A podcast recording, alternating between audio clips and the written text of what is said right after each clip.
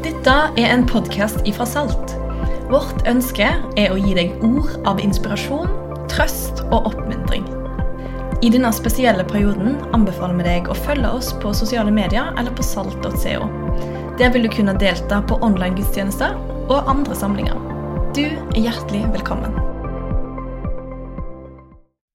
Tusen takk, Alexander Menzoni fra Salt Trondheim. En eh, utrolig gripende fortelling om eh, hva som skjer med tankene våre når vi kommer inn i, i Guds nærvær.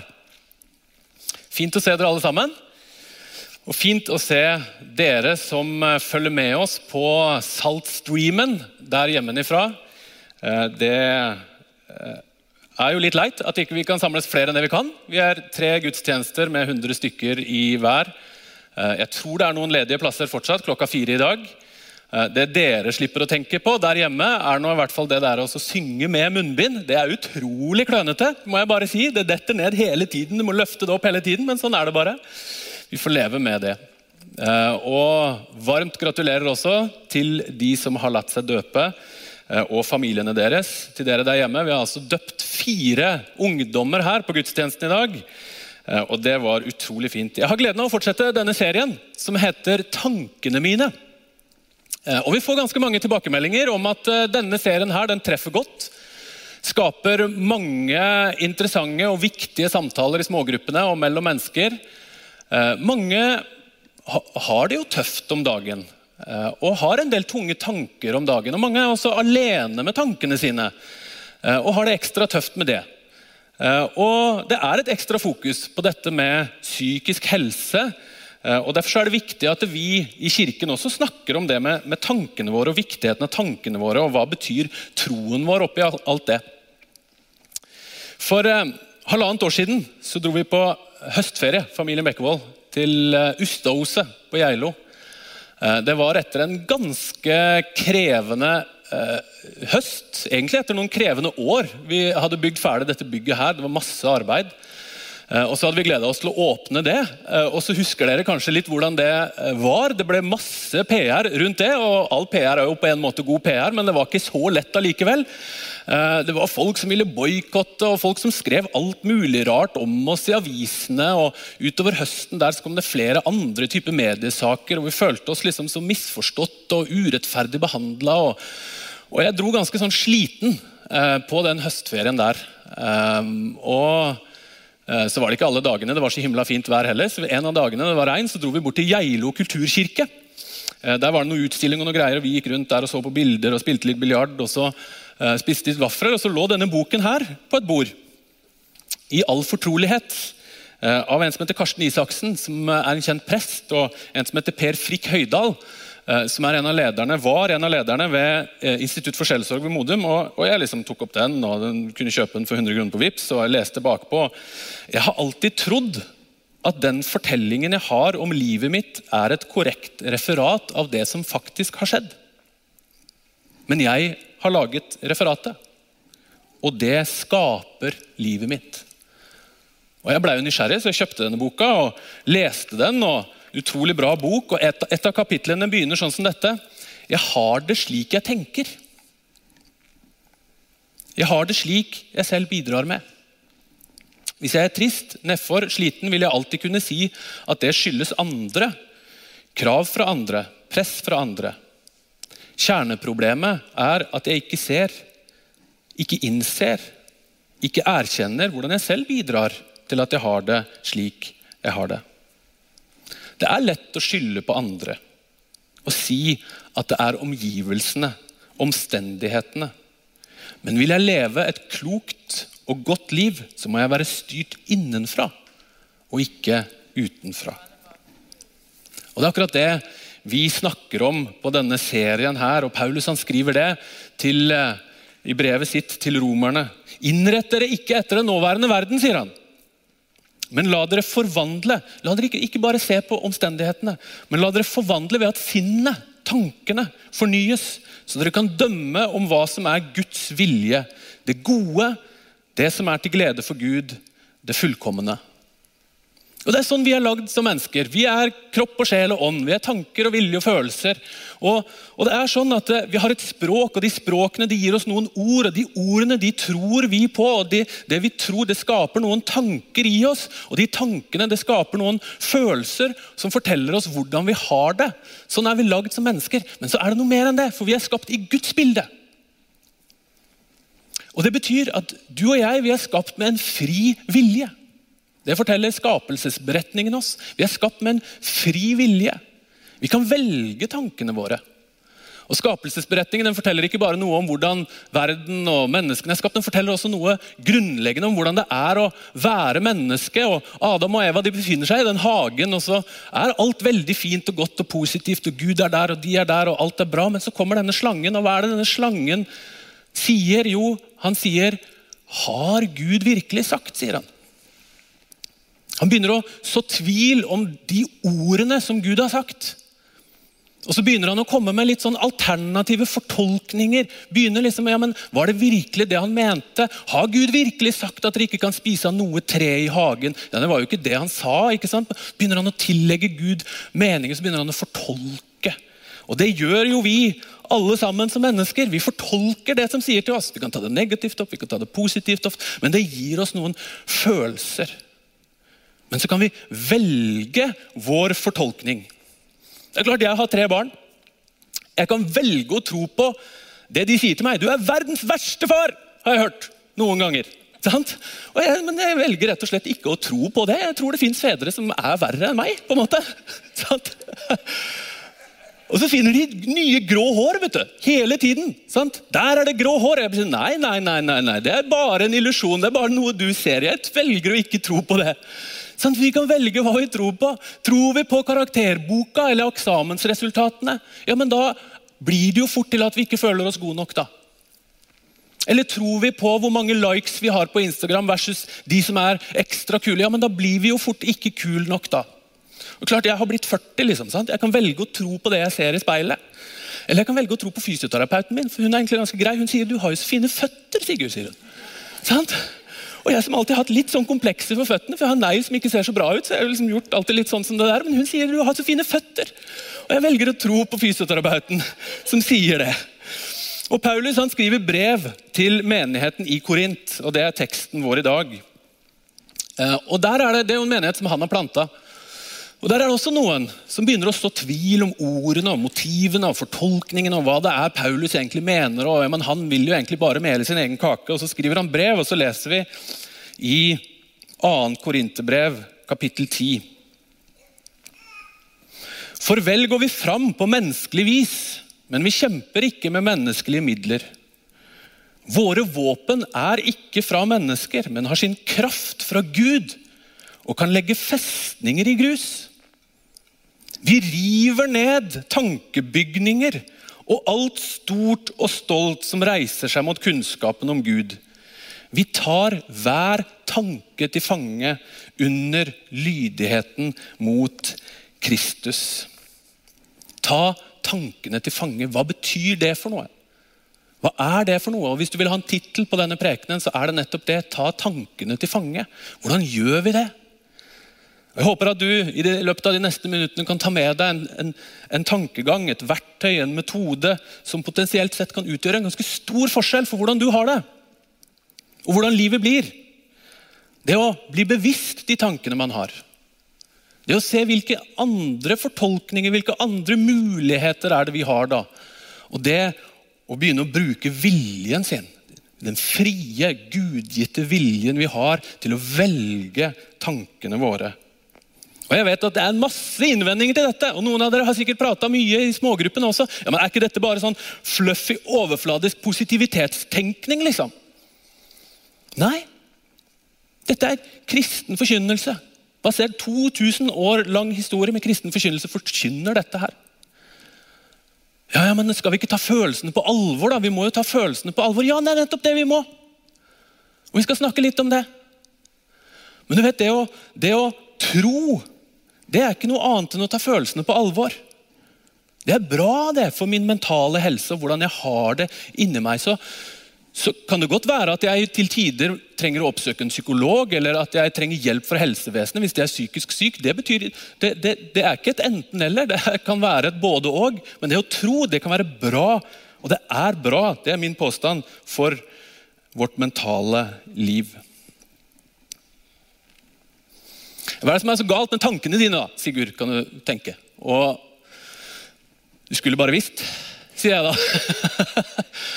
Kanskje du er glad du ikke visste, og kanskje jeg er glad jeg ikke vet. Du har sikkert veldig mye mer sånne hellige tanker enn det jeg har. sant? det er mye rart i tankene mine. da. Altså, for det første så flyr de hit og dit av seg selv. Det er nesten som de lever helt sitt eget liv. og Jeg er jo mann, så jeg klarer bare å tenke én ting om gangen. så Noen ganger så sitter jeg i bilen og så, og så sitter jeg og tenker på noe, og så sier da fruen noe, ikke sant? men det må legge seg i køen med det jeg tenker. Sånn, så man tenker tenke det ferdig først, og så går det inn det hun har sagt. Så hun har lært seg til det at Hvis hun bare venter i sånn 20 sekunder, så kommer det et svar. liksom, sant? Det er bare det at Jeg klarer bare å tenke en tanke om gangen. Men de lever sitt eget liv, og, og noen ganger så spinner de av gårde. Spesielt om det har skjedd noe negativt. liksom. Hvis jeg ikke føler meg sett, f.eks. Å, du skulle bare visst hvor synd det er på meg. Det er forferdelig synd på meg. Sant? Og Tankene de kan spinne av gårde hvor synd det er. Hvis jeg føler meg urettferdig behandla. Vet ikke om du har det sånn, men jeg kan holde lange forsvarstaler inni hodet mitt. Tankene mine kan lage sånne ja, da skulle jeg sagt det, og da skulle jeg jo sagt det. og du skulle bare visst, sånn, så Lange sånne tankerekker inni hodet. Eller, eller hvis det er i vanskelige situasjoner eller, eller er litt sånn nedkjørt, så kan jeg få tankekjør. Det er også noe som heter tankekjør, hvor jeg liksom nesten dømmer meg sjøl nord og ned liksom, over hvor dum og idiotisk jeg er. Kanskje du ikke er sånn i det hele tatt. Men viktige ting som skjer, det former jo tankene våre. Viktige begivenheter. Etter hvert som vi vokser opp, og i voksen alder. Konflikt for eksempel, tar jo enormt med energi. Det å være i konflikt med noen det tar opp tankekapasiteten så til de grader, og det kan sette seg i kroppen, sånn at du kan møte vedkommende 30 år etterpå. Og så skjer det bare en umiddelbart, nesten sånn, sånn ubevisst reaksjon som gjør at du ser vekk. Fordi at det er noe vanskelig her inne. Men den gode nyheten det er at jeg er ikke maktesløs i møte med tankene mine og følelsene mine. Jeg er ikke prisgitt de som en sånn zombie. på en måte som bare må adlyde tanker og følelser. Og derfor er det første steget det er bevissthet. Det å bli bevisst tankene våre. Og der, følelsen, der kan følelsene våre bli vår beste venn. Følelsene våre som forteller oss noe om hvordan vi har det.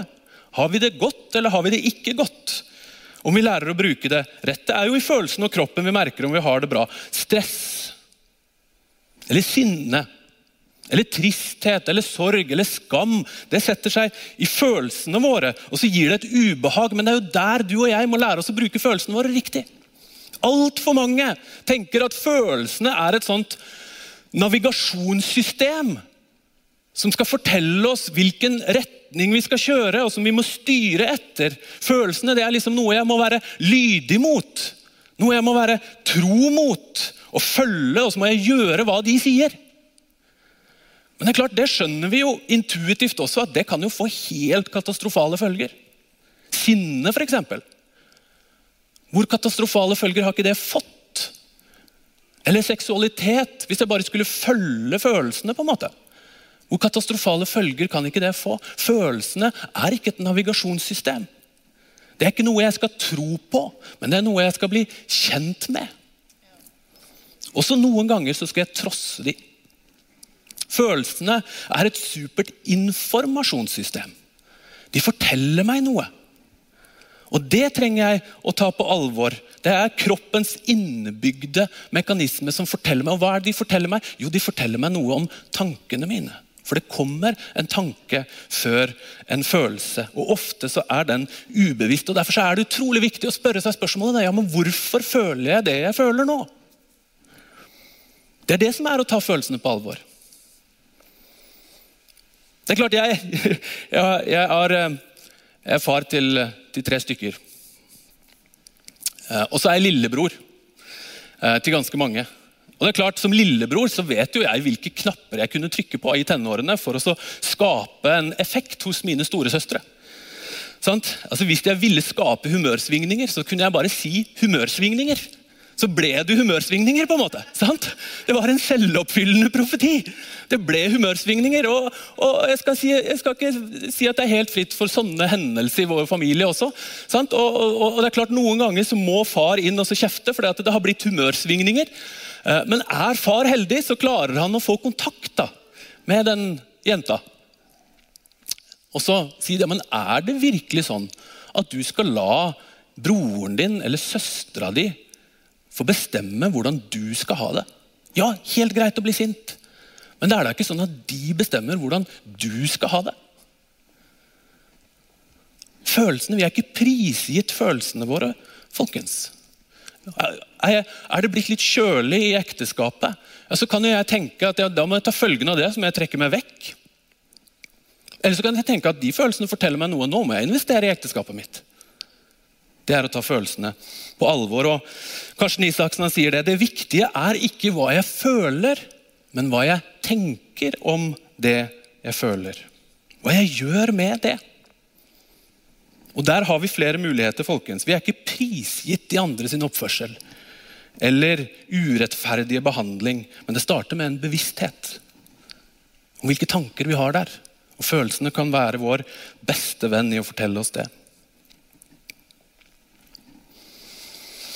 I kognitiv terapi så snakker man om alternative fortolkninger. Vonde ting som skjer, det skaper negative konsekvenser i livet. Og så gir det oss en følelse av, av maktesløshet.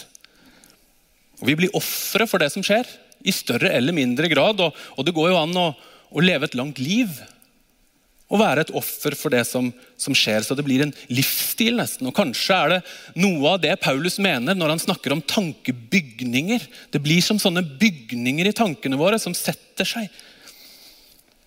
Men hva om vi setter søkelyset et annet sted? Fins det noen alternative fortolkninger eller vinklinger? En som krasjer en bil uten forsikring. Det er kjipt, det. Det er dumt, det. Det er mange hundre tusen, kanskje. Rett ut av vinduet. Alt gikk i dass. er en historie. Men en annen fortolkning, en annen vinkling, kan være det jeg overlevde jo. Min gravide kone mista ikke barnet. Jeg hadde, I, i tenårene så, så, var det en, en, en vanskelig tid for min del.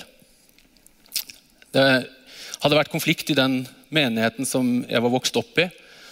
En konflikt som hadde spredt seg inn i, i familielivet vårt. Eh, skapt dype sår. Og, eh, bare et par år etterpå, år etterpå så fikk min far slag. Jeg var 13 år gammel, og, og, han ble på en måte satt ut resten av livet. Ute av stand til å være far. Eh, og det var kjipt, jeg hadde det vondt, men jeg var en mester i å liksom holde det inni meg. Eh, og skjule det. Kanskje hadde jeg fått litt hjelp mer den gangen hvis jeg hadde reagert litt mer. Men, men jeg holdt det inni meg. Og jeg syntes så forferdelig synd på meg sjøl. Jeg gikk og hadde det vondt, og jeg syntes så synd på meg sjøl. Og på en måte kan du jo si ja, det var jo synd på meg, men jeg satt der som 17-åring, husker jeg. I andre klasse på videregående så satt jeg ved pulten min. Og så var det akkurat som om jeg oppdaga hvor mye energi er det ikke jeg bruker på å gå rundt og synes synd på meg sjøl. Bruker utrolig mye energi.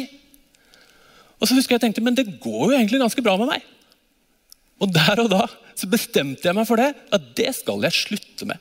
Det er ikke verdt det. Jeg vil gå videre. Helen Keller hun levde i forrige århundre. Hun var født både døv og blind. Tenk deg det, da. Ikke kunne se, ikke kunne høre. Hun hadde alle forutsetninger for å bli isolert og for å trekke seg inn i seg sjøl og, og, bli deprimert. Men hun sa dette en gang. Mine venner har formet mitt livs historie. På tusen måter har de snudd mine begrensninger til vakre privilegier og gjort meg i stand til å vandre glad og fornøyd i skyggen av mine savn. Vi er ikke prisgitt det som skjer i livet. Vi er ikke prisgitt de tankene eller tankebygningene som forsøker å gjøre livet kjipt for oss. Selv om tankene våre så lett dreier seg om det som er rett foran oss, så er Guds tanker så mye høyere enn våre tanker som himmelen er over jorden.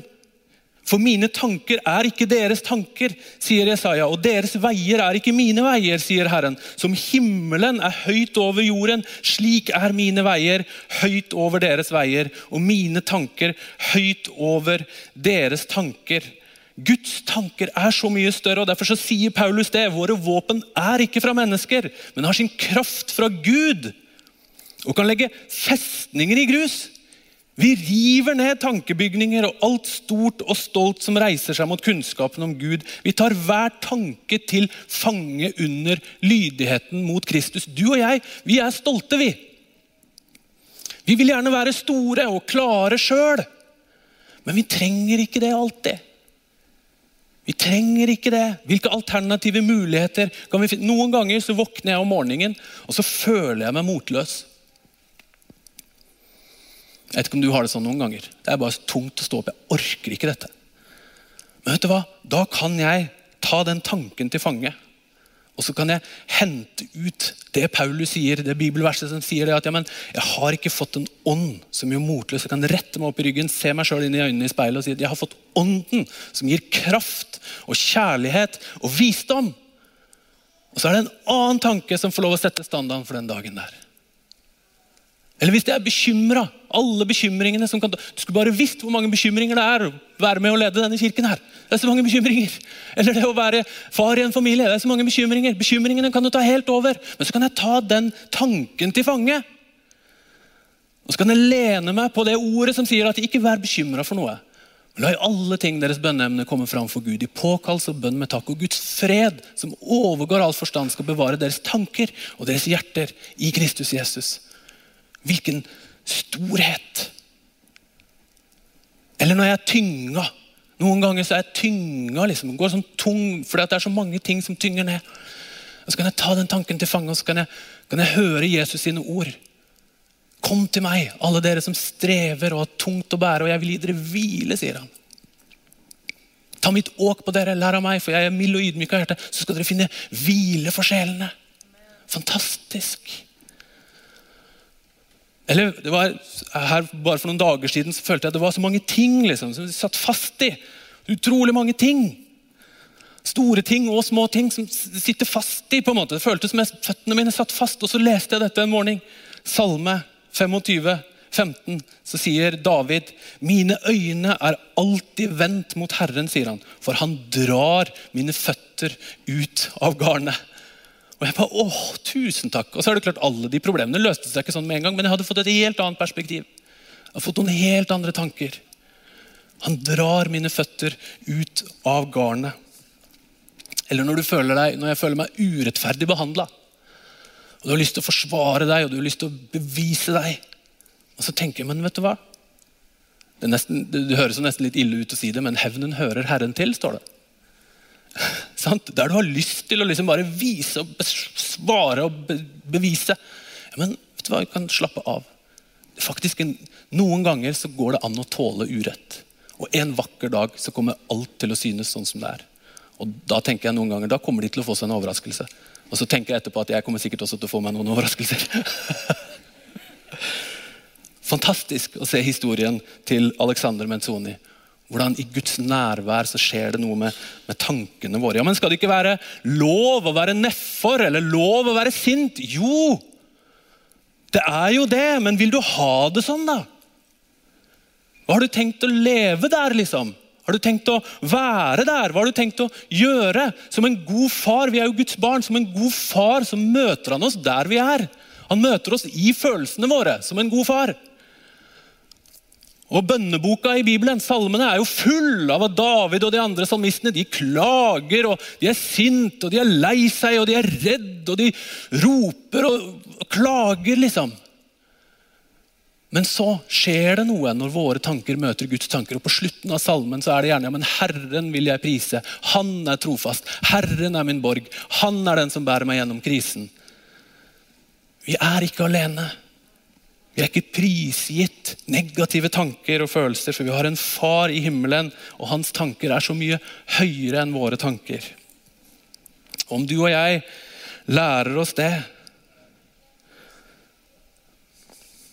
at vi kan anvende følelsene våre som et informasjonssystem, men så kan vi forstå de tankene som ligger foran de følelsene. Så kan vi ta de tankene til fange. Så åpner det seg helt nye muligheter.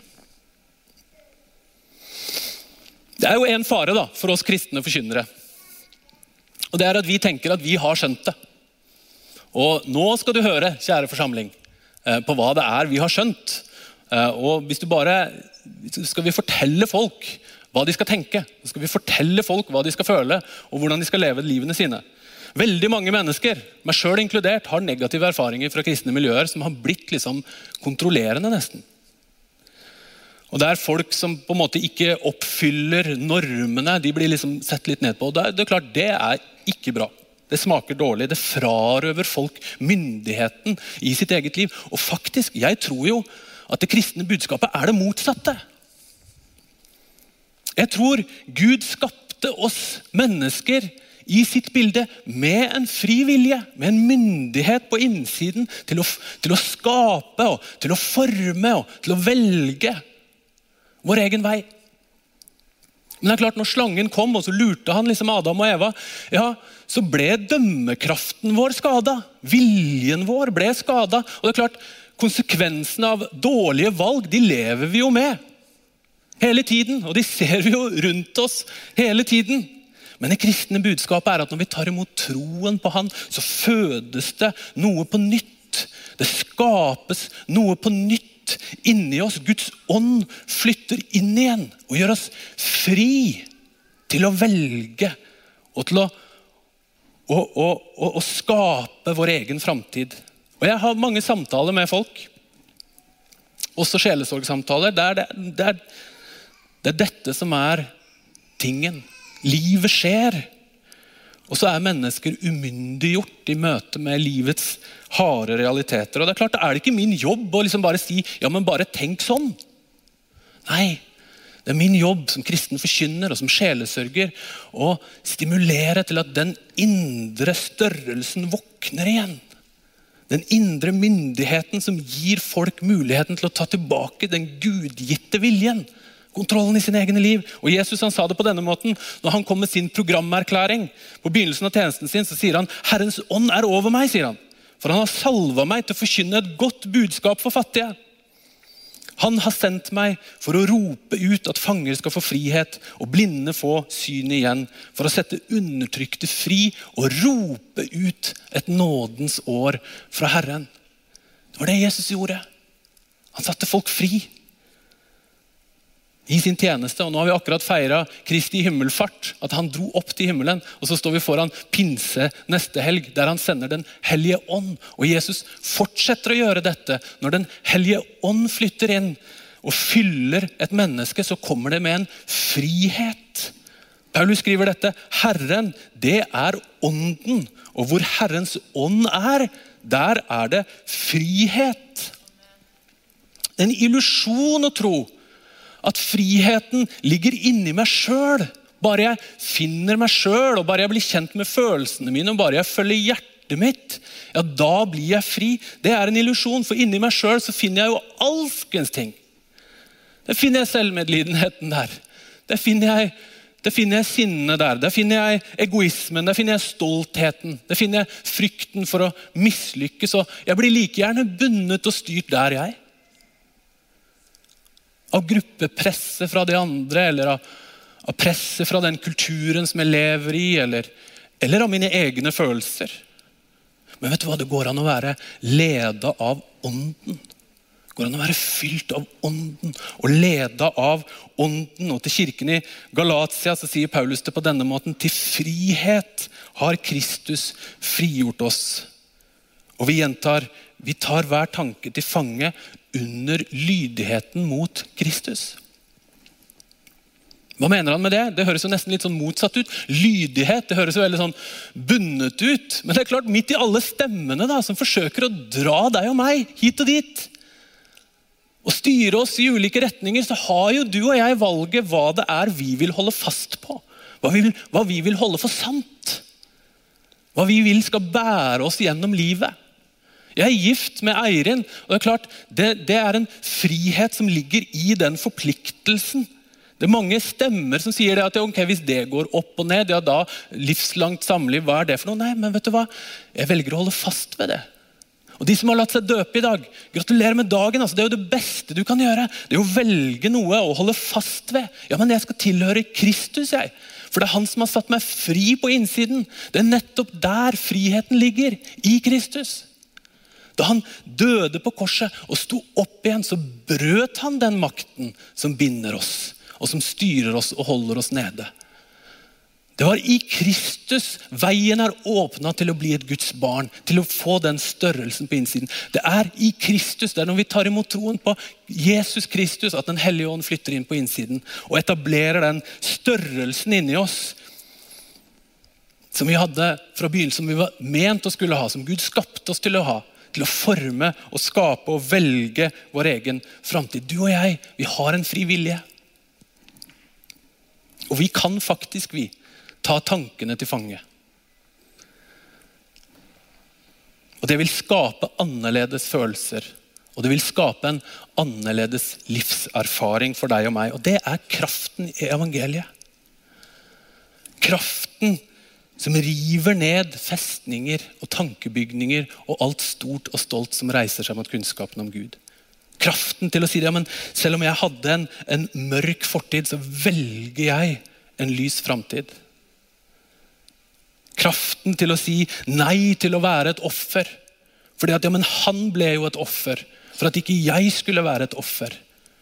Det er kraften som ligger i evangeliet. Kraften til å leve oppreist, myndiggjort. Med fred og med glede og med håp og, og tro og kjærlighet på innsiden. Som smitter over på de andre rundt meg. Vi reiser sammen, dere.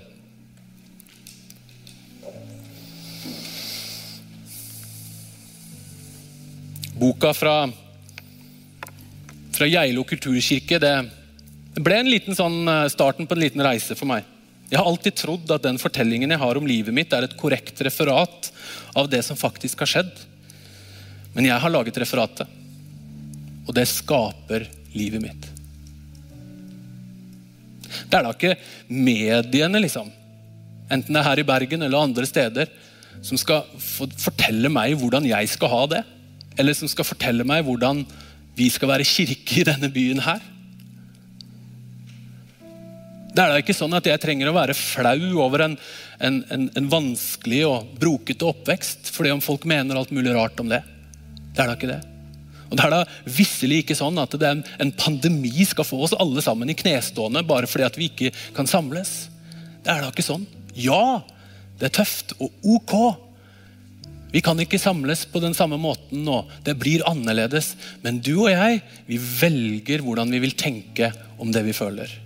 Det er på tide at eh, troende mennesker tar tilbake den myndigheten. Og ikke bare lar seg styre og drive med av omstendighetene. Men tar tilbake den gudgitte friheten til å velge. Ta tankene til fange. Velge hvordan vi vil tenke om framtiden. Amen. Skal vi synge litt sammen før vi går med et avslutning?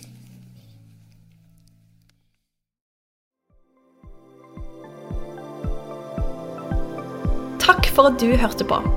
Velkommen tilbake til neste podkast og til alt som skjer online framover.